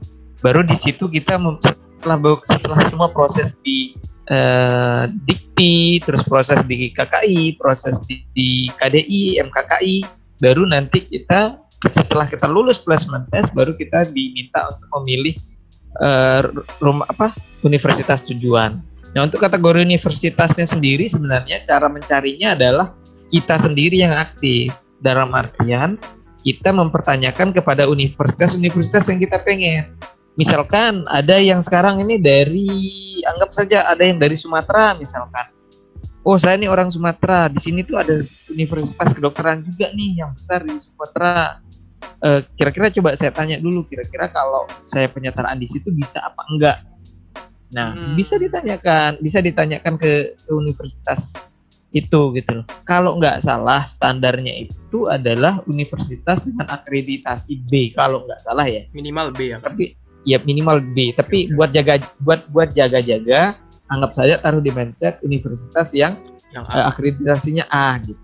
Ya, iya. Biar biar takut takut salah ini kan, salah pilih. Nah, artinya di situ itu adalah tergantung kesiapan kampus. Karena ada biasanya kampus-kampus yang tidak bisa menerima tahun tahun ini. Misalkan ada kampus A nih tahun lalu nerima, tapi tahun ini nggak nerima gitu. Mhm. Ada juga beberapa atau ada beberapa kampus yang pakai kuota. Oh di kampus ini tuh udah ada kuotanya Udah full ya. eh, eh, udah full per, per semester kita ambil 8 sekarang udah ada 16 atau 15 eh, pendaftar jadi eh, kalau mau masuk ya ngantri gitu itu ada ada beberapa Itu juga sih Hmm. kak yang yang sering kedengeran ngantrinya itu loh kak. iya ada ngantri gitu nah kalau di UNER sendiri di UNER eh, setahu saya sampai sekarang sih nggak pakai ngantri masuknya pun eh, masuknya pun nggak pakai batch batch kayaknya Siap. dia ya, masuknya mereka bisa langsung eh, eh, eh, eh. cuma memang eh, ada ada beberapa memang yang yang harus dipertimbangkan kalau memang masuk UNER nantinya ya. Oke kak. Kayak biaya gitu mungkin? Ah, mungkin salah satunya di UNER juga biaya eh, juga menjadi bahan pertimbangan dibandingkan dengan universitas-universitas lain gitu. Oke, boleh nggak kak bocorannya gitu kak? Baik biaya-biaya yang kakak ketahui gitu. Di UNER kah atau di mana gitu kak? Oke, eh, sorry sorry sorry sorry. Ini boleh buka kayak ginian nggak? Em, range harga deh kak. Oke, soalnya beda bedanya jauh. Tolong ini nanti di-cut nih kalau memang nggak penting. Kayaknya nggak apa-apa sih. Kawan pernah Kita, em, kawan pernah ucapin juga tuh di Iya, webinar, eh, eh. di webinar pernah kak kedengeran jadi nggak apa-apa. Oke. Gak apa-apa lah kak. Eh, eh, Udah buka, terbuka, buka, ter buka. terekspos. Oke, oke, oke. Oh iya, jadi untuk untuk eh, biaya tersendiri yang saya tahu, eh, kalau di eh, tempat saya sendiri dulu saya eh, masih 12-an sih per semester dengan ada juga uang masuknya sekitar 35-an.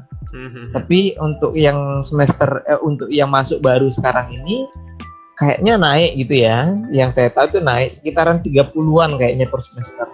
Oke. Jadi eh, eh, belum lagi ditambah dengan uang masuk, ada ada ada uang uang ini, uang bangunan kalau nggak salah namanya. Jadi eh, kalau kita bilang UKT-nya itu sekitar 30-an. Eh di UNER itu 4 semester. Nah, kalau di kampus lain setahu saya teman saya ada di eh, Unhas, ada juga yang di Udayana itu biasanya 20-an per semester. Oh, I see, I see. ya, itu ya. sih heeh. Jadi intinya kalian harus pinter-pinter sih cari cari informasi ya gitu teman-teman. iya heeh, bener sekalian tanyain berapa nih pak per ini gitu per Iya, iya, semester gitu harus biar nggak kaget ya. Nanti kalian iya biar nggak kaget udah daftar sini, habis lolos placement test, daftar sini ternyata harganya segitu. Jadi iya disesu- heeh. disesuaikan lagi sama budgetnya kalian masing-masing untuk penyetaraan ya. Jadi buat kalian Iya bener banget tuh. Mungkin Harus dari Kak, jaga-jaga. dari Kak Aryo ada yang mau ditambahin dulu gitu sebelum kita closing ya. Ya kurang lebih sama sih sama jelaskan Wawan, cuman eh, satu poin aja sih yang ingin saya tambahkan bahwa teman-teman itu jangan sampai salah pilih kampus ya. Salah pilih kampus dalam artian eh, teman-teman udah masuk di UNER misalkan terus pengen pindah ke Unhas, jangan kayak gitu ya. Jangan istilahnya menyesal tengah jalan. Hmm. Pokoknya diperbanyak aja informasinya sebelum memilih tempat adaptasi karena memang nggak ada pilihan. Ntar kalian ditanya sama Ibu Iva, sekretaris di KDI itu kan akan ditanyakan setelah kalian lulus placement test akan ditanyakan kalian mau adaptasi ke mana.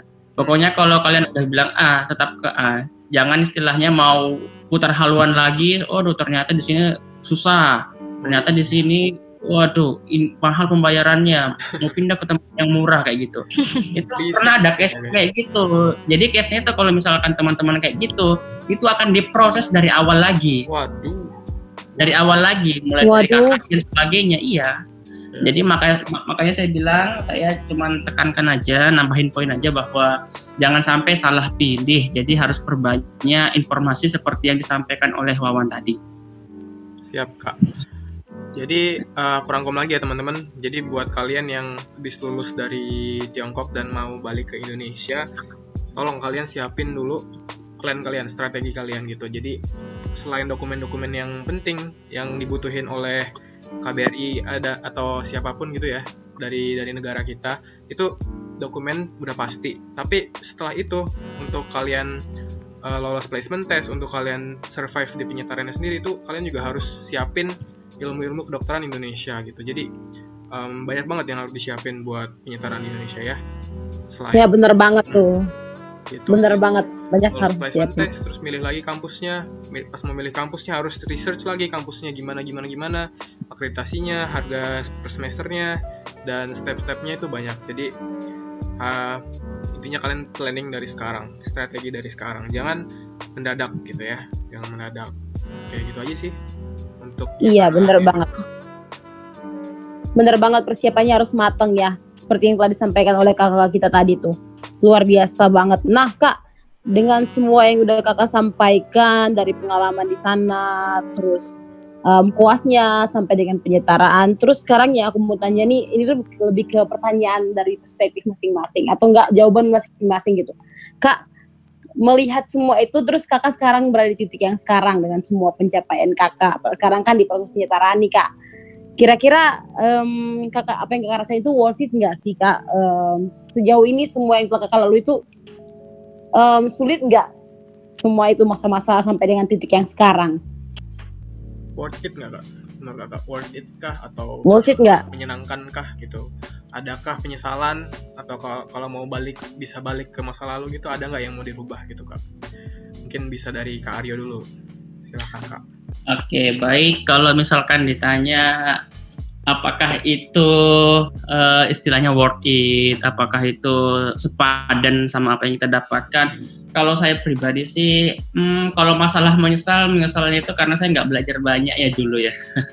karena saya kerjaannya ya itu organisasi terus gitu kan ya organisasi kemudian pelajaran saya pernah pernah punya pengalaman pernah fail juga di subjek pernah jadi semenjak organisasi pernah fail di beberapa subjek ya satu subjek dua subjek pernah.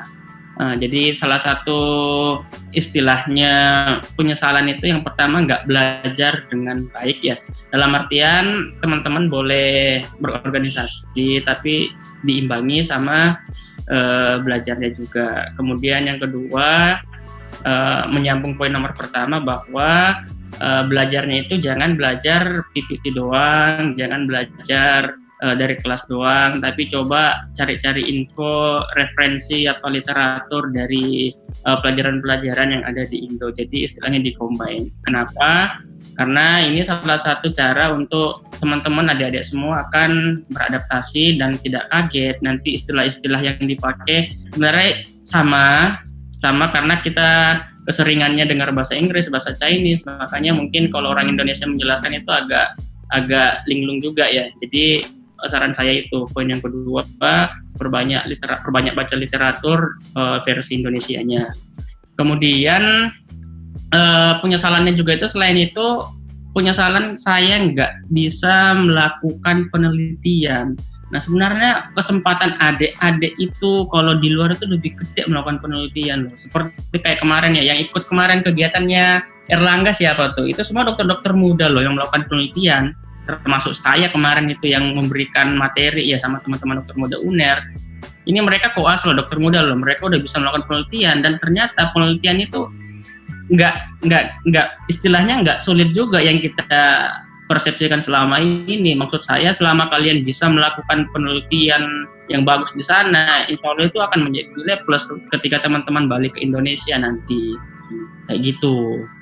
Betul. Kalau saya sih ya mungkin kalau ditanya sepadan apa enggak sih ya sepadan, cuman mungkin eh, dari pengalaman saya pribadi mungkin saya dulu itu kebanyakan organisasinya dibanding belajarnya ya dulu ya. Iya iya. Paham. Nah, tapi ya memang ya tidak tidak boleh kita sampingkan juga. Maksudnya kesampingkan itu ya belajar belajar gitu. Tetap juga organisasi tapi diseimbangkan. Cuman sayangnya dulu itu terlalu overload di organisasinya. Pelajarannya itu ya makanya istilahnya kayak agak goyang-goyang sedikit gitu. Makanya ada beberapa subjek saya pernah fail juga di CCM itu pernah fail juga kayak gitu. Gitu ya teman-teman. Dari Kak Aryo bittersweetnya selama pengalaman 6 tahun di sana. Jadi buat kalian juga nanti yang mau ke sini beneran, yang nanti sampai penyetaraan Dino juga didengerin baik-baik gitu podcast kali ini gitu ya. Nah sebelum kita lanjut kita mau tanya dulu ke Kak Wawan nih. Kak Wawan gimana Kak? Selama 6 tahun, 7 tahun perjalanan kedokteran ini, apakah worth it gitu Kak? Menyenangkan, berat, ataukah ada penyesalan gitu Kak? Gimana nih menurut Kak Wawan sendiri? Oke, mungkin eh pada dramatis ya. Kalau karena kalau saya ngerti dalam perjalanan hidup saya, saya selalu bilang semua itu adalah proses gitu. Jadi eh, apakah saya akan menyesal dengan proses itu? Tentu ada penyesalan, ada tidak gitu. Tapi eh, kalau saya kembalikan itu adalah kepada sebuah proses perjalanan gitu ya. Ya, saya kan ngerasa semuanya terasa sangat-sangat worth it. Jadi walaupun saya sekian lama udah enam tahun di Tiongkok, habis itu pulang lagi, penyetaraan lagi nambah lagi 2-3 tahun.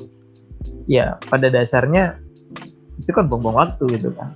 Sangat banyak waktu kita yang terbuang. Cuma bagi saya ya itu proses saya gitu untuk saya mencapai sesuatu nantinya ya itu emang prosesnya yang harus saya jalani itu sih yang yang yang saya rasa uh, tidak perlu saya harus uh, sesali tapi saya harus hargai bahwa itu ada proses dalam hidup saya apakah itu menyenangkan? Tentu uh, menyenangkan dan tidak itu adalah relatif. Banyak hal yang menyenangkan dalam hidup saya juga. Banyak hal yang ya sedih juga banyak juga gitu ya. Apalagi kalau uh, kita udah jauh dari keluarga, jauh dari uh, di lingkungan kita cuma ada teman saja gitu. Kita hanya sakit dan lain sebagainya.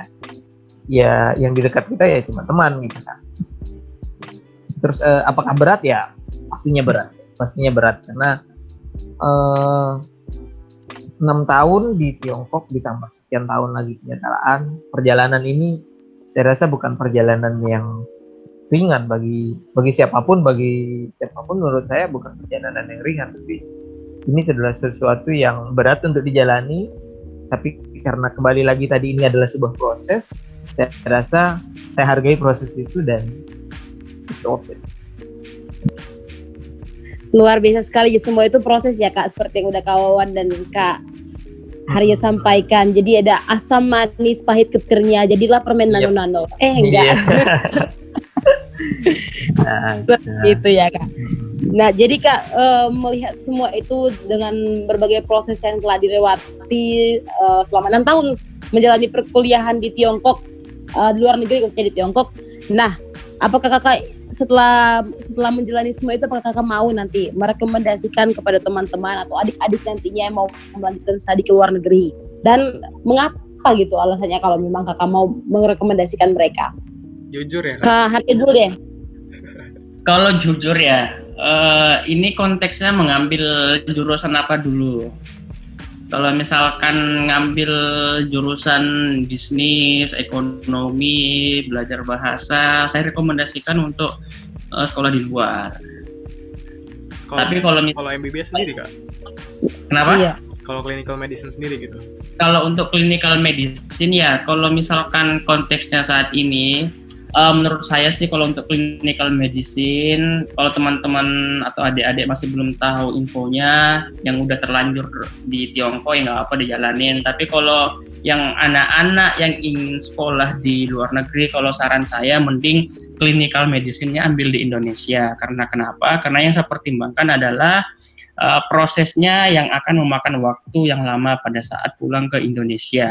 Mungkin itu aja sih. Kalau masalah pengalaman ilmu dan sebagainya sih ya kurang lebih sama tergantung individunya. Cuman kalau uh, masalah waktunya mungkin itu yang menjadi pertimbangan saya mengapa saya lebih merekomendasikan untuk lebih baik lanjut uh, kalau bisa lebih lanjut lebih baik lanjut S1-nya di Indonesia nanti perihal S2 S3 itu saya rekomendasikan untuk bersekolah di luar negeri Oke baik jadi jadi iya baik kak berarti pertimbangannya lebih ke waktu ya kak rekomendasikan kalau untuk clinical medicine khususnya Baik kak. Nah kalau dengan kawan sendiri gimana kak? Oke, uh, kalau dari saya, saya uh, mungkin pengantarnya adalah Tiongkok ini gila-gilaan untuk memberikan edukasi apa memberikan kesempatan belajar untuk negara sahabat. Jadi Tiongkok ini sangat terbuka. Buktinya apa? Beasiswanya di mana-mana sekarang. Dulu zaman saya masuk beasiswa itu jarang. Dan ya mungkin jarang-jarang yang tahu ya. Kalau sekarang beasiswanya dari kampus dari universitas belum lagi dari dikti dan lain sebagainya. Banyak sekali belum lagi dari daerah-daerah. Sebenarnya eh, kesempatan ini tuh harus kita manfaatkan sebaik-baik mungkin. Nah kalau berkaitannya dengan jurusan kembali lagi ke pribadi masing-masing kalau misalkan saya merekomendasikan Tiongkok itu sebagai tujuan belajar maka untuk semua tujuan belajar, mau belajar apa aja boleh di Tiongkok. Terutama ekonomi luar biasa, IT luar biasa bagus Tiongkok. Rekomendasi. Belum lagi kan uh, tadi beasiswa. Tapi kalau untuk yang uh, kedokteran, saya punya uh, dua opsi kalau untuk kedokteran. Pertama, Anda jangan ngambil kedokteran di Tiongkok. Yang kedua, kalau ngambil kedokteran di Tiongkok, pilih universitas dengan teliti dan kalau bisa ngambilnya pakai bahasa lokal bahasa Mandarin atau setengah-setengah misalnya. Nah, kenapa saya bilang gitu? Kenapa saya bilang yang pertama tadi eh, jangan ambil kedokteran di Tiongkok atau di luar negeri atau di mana pun? Karena tadi mungkin yang dibilang Aryo prosesnya lama. Nah, biasanya beberapa kali saya diskusi dengan uh, teman-teman adik-adik yang mau lanjut ke sekolah di Tiongkok itu mereka ngeyel juga oh, pokoknya saya mau ke Tiongkok kak oke kalau memang mau ke Tiongkok atau mau ke luar negeri mengambil uh, kedokterannya maka opsi kedua ini gitu kan karena kan kita udah kasih pertimbangan nih kalau ambil ke Tiongkok nanti sekolahnya sekian tahun baliknya juga penyetaraan dan lain sebagainya kira-kira sekian tahun lah kalian butuh gitu. Tapi ada beberapa yang tetap memaksakan untuk mau uh, sekolah di Tiongkok untuk uh, kedokterannya. Saya rekomendasikan kalau bisa cari universitas yang memang ter uh, apa terpercaya. Itu yang pertama karena banyak universitas yang yang yang dikatakan tadi itu uh, kadang belum siap untuk menerima mahasiswa luar negeri kadang dan kalau bisa pengantarnya cari yang pengantar bahasa Mandarin. Atau yang Mandarin porsi ada yang banyak porsi Mandarin. Jadi selektif lah dalam memilih gitu kan. Nah mungkin mungkin itu dari saya untuk uh, Tiongkok. Tapi kalau untuk jurusan selain kedokteran saya sangat dukung. Manfaatkan itu beasiswa-beasiswa yang luar biasa banyak betul betul betul jadi betul betul. itu ya teman-teman rangkumannya untuk kalau kalian emang ngotot banget pengen keluar negeri gitu ya mending belajar selain MBBS gitu lah. Kalau emang kalian mau balik ke Indonesia tapi kalau selain MBBS aman banget buat langsung gas ke luar negeri gitu ya. Karena clinical medicine uh, kedokteran kalau emang mau balik ke Indonesia itu agak ribet gitu ya. Waktunya panjang segala macam tapi kalau dari soal ilmu ya kurang lebih sama gitu ya guys. Jadi iya benar-benar lebih gitu sih buat overallnya nah overall Wah, gak kerasa kak udah mau satu jam setengah ini kita ngobrol-ngobrol. Jadi, iya. makasih banyak banget gitu dari Kak Aryo dan Kak Wawan udah datang ke podcast kami ke Perlunikes, udah sharing-sharing banyak hal, banyak informasi, banyak banget kata-kata mutiara juga yang muncul gitu, mantap lah pokoknya. Jadi, iya. Hmm, untuk penutupnya mungkin ada pesan-pesan gitu kak atau kata-kata terakhir yang mau disampaikan buat pendengar-pendengar kita semua atau nggak ada? Mungkin Pasti mungkin- ada lah kak. Iya pasti ada lah. Mungkin saya saya eh, apresiasi kepada Perluni keberakannya luar biasa sampai sejauh ini saya apresiasi. Saya angkat kalau ada jempol saya lima, saya angkat lima dan jempol saya. kalau ada lebih dari lima, saya angkat lebih gitu. oke Apresiasi banget dan ini tentunya semoga bermanfaat buat teman-teman. Kalau memang ada salah kata atau ada yang tersinggung atau ada yang tidak enak didengar, saya mohon maaf dan juga terima kasih lagi sekali lagi kepada Perluni, terima kasih kepada teman-teman host yang luar biasa malam ini. Wah, terima kasih kakak kakak lebih luar Makasih kak, terima kasih kak. Kakak juga luar biasa. Hmm. Iya. Oke, dari Karyo gimana ada pesan-pesan terakhir Kalau dari saya ya. pribadi ya, eh, setelah memper melihat perkembangan Perluni dari awal pembentukan sampai akhir dari tahun ke tahun. Dan menurut saya sih memang ya tahun ini merupakan gebrakan sangat luar biasa ya istilahnya sangat aktif ya. Ya saya nggak bisa membandingkan antara yang sekarang sama yang kemarin-kemarin karena setahu saya yang kemarin-kemarin itu banyak drama ya banyak drama yang terjadi dalam pengurusan dan sebagainya. Karena memang itulah eh, uniknya berorganisasi ya. Tapi untuk saat ini saya sangat apresiasi kegiatan-kegiatan Perluni dan saya berharap ke depannya eh, tetap dikembangkan. Kemudian eh, pesan saya yang kedua ini buat eh, para adik-adik yang lagi mengambil eh, jurusan kedokteran di Tiongkok, eh, saya berpesan bahwa tetap belajar dengan baik, jangan mendengarkan istilah-istilah negatif atau gosip-gosip, isu-isu hoax yang masih belum tentu kebenarannya. Tetap fokus sama pelajarannya sekarang, fokus organisasinya, jalani apa ada, apa adanya, banyak berdoa, ikhtiarkan sama yang sang pencipta. Pokoknya semua itu insya Allah akan berjalan dengan baik kalau teman-teman pun punya niat yang baik dari awalnya. Mungkin seperti itu dari saya. Kalau misalkan eh, ada salah kata selama saya di interview sama Wawan, mungkin saya mohon maaf karena saya pribadi manusia biasa juga ya yang tak luput dari kesalahan dan dosa-dosa. Mungkin begitu dari saya ya teman-teman, teman-teman adik-adik yang inisiatif mengadakan podcast dikembangkan lagi. Semoga ke depannya bermanfaat bagi bangsa dan negara suatu saat nanti. Amin. Amin, amin, amin. Amin, amin. Oke, Luar ya, Kak. biasa kak. Kalau untuk uh, salah-salah kata ya tolong ya teman-teman dimaklumi juga dari kami hostnya karena ya namanya podcast kita ungkap aja realitanya gimana asam manisnya kayak gimana Iya, kita ungkap semuanya biar kalian juga dapat gambarannya gitu kita kita nggak mau promosi kok kita tuh kalau kalian- Benar. kita cuma kasih opsi aja gitu pro kontranya. Jadi kalian semoga podcast ini bermanfaat ya buat kalian semua yang dengerin. Itu aja dari kami. Saya Dimas dan teman saya. Eh, Windy tentunya. Mm-mm. itu aja dari kami. Terima kasih semuanya. Sampai ketemu di episode selanjutnya. Dadah. Dadah semuanya. Sobat perlu nih. dah oke